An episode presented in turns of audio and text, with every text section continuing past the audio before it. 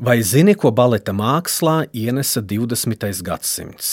20. gadsimta sākumā akadēmiskas dēļas žanrs šķietami bija sasniedzis savu virsotni, bet tomēr gan jaunie choreogrāfi, gan dejotāji izjūta nepieciešamību meklēt jaunus dēļas attīstības veidus – un te uz dēļas mākslas apvāršņa parādījās spilgta, grandioza figūra ar izsmalcinātu māksliniecisko gaumi un spēju tvert un dzīvē realizēt visneiespējamākās idejas. Tas bija ķeizariskas Krievijas mākslas pazinējs Sergejs Džagiļevs, kuram ir izšķiroša loma Eiropas un pasaules dēļas mākslā.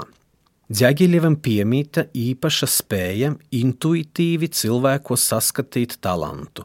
Tādā veidā tieši viņš ir atklājis pasaulē daudzus apdāvinātus tā laika labākos dejotājus, horeogrāfus, komponistus un gleznotājus, kurus viņš apvienoja savā paspārnē, izveidojot baleta trupu, ar kuru Džagiļevs viesizrāžu laikā Eiropā guva milzu panākumus un izraisīja sensāciju visā mākslas pasaulē, mainot Eiropas modi un dzīves paradumus.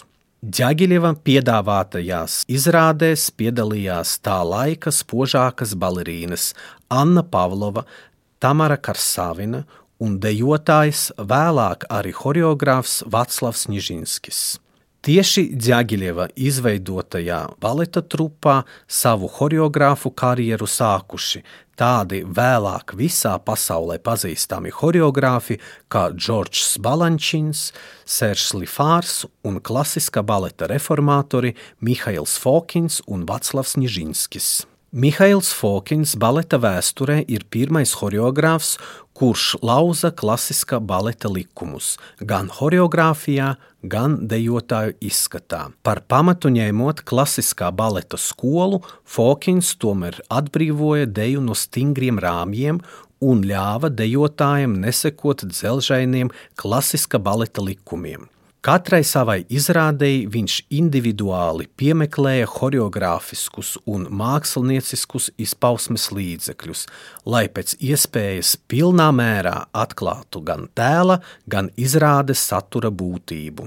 Par Mihaila Fokina nepārspējamāko dēļas mākslas darbu uzskata choreogrāfisko miniatūru Mirstošais gulbis – kuru ar neiztrukstošiem panākumiem ir izpildījusi Anna Pavlova. Savukārt Vaclava Nižinska choreogrāfija pilnīgi satricināja Eiropas publiku. Pats būdams klasiska baleta dejotājs, viņš pilnībā izmainīja dejas plastiku, atsakoties no klasiskas dejas standartiem. Nižinskis paziņoja: Es vairs neesmu krāvējs, un pārtrauca balerīnu valdīšanas ēru dejas pasaulē. Par pasaules sensāciju kļuva viņa izrāde Fauna Diendusa, bet ar Igora Stravinska mūziku veidotais Svētpavasaris izraisīja grandiozu skandālu. Šajā iestudējumā Nižinskis, meklējot jaunus choreogrāfiskus izteiksmes līdzekļus, skatuviskā tēla un rakstura veidošanā, pilnībā atteicās no klasiskās dēļas kustībām. Gala rezultātā Svētpavasaris tika atzīts par pirmo neglīto baletu. Spēcīgajā iespaidā pēc Sergeja Džagiļeva baleta trupas ilgadējām viesizrādēm Eiropā sākas dejas mākslas atzimšana, un likumsakarīgi, ka uz šī iespaidīgā viļņa dzimst 20. gadsimta vadošais dejas virziens, kuru sauc par modernu deju. Viena no šī stila pamatlicējiem ir dejotāja Aisidora Dunkana.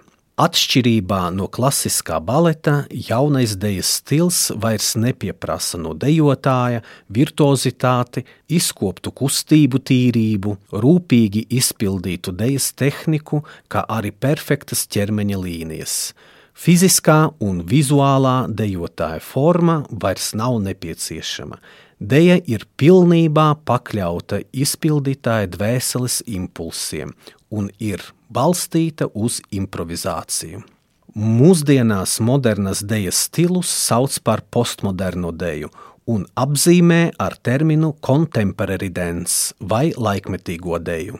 Mūsdienu laikmetīgais balets grauj robežu starp profesionāliem dejotājiem un amatieriem, piedāvājot iespēju katram iedziļināties dejas pasaulē un izprast tās būtību.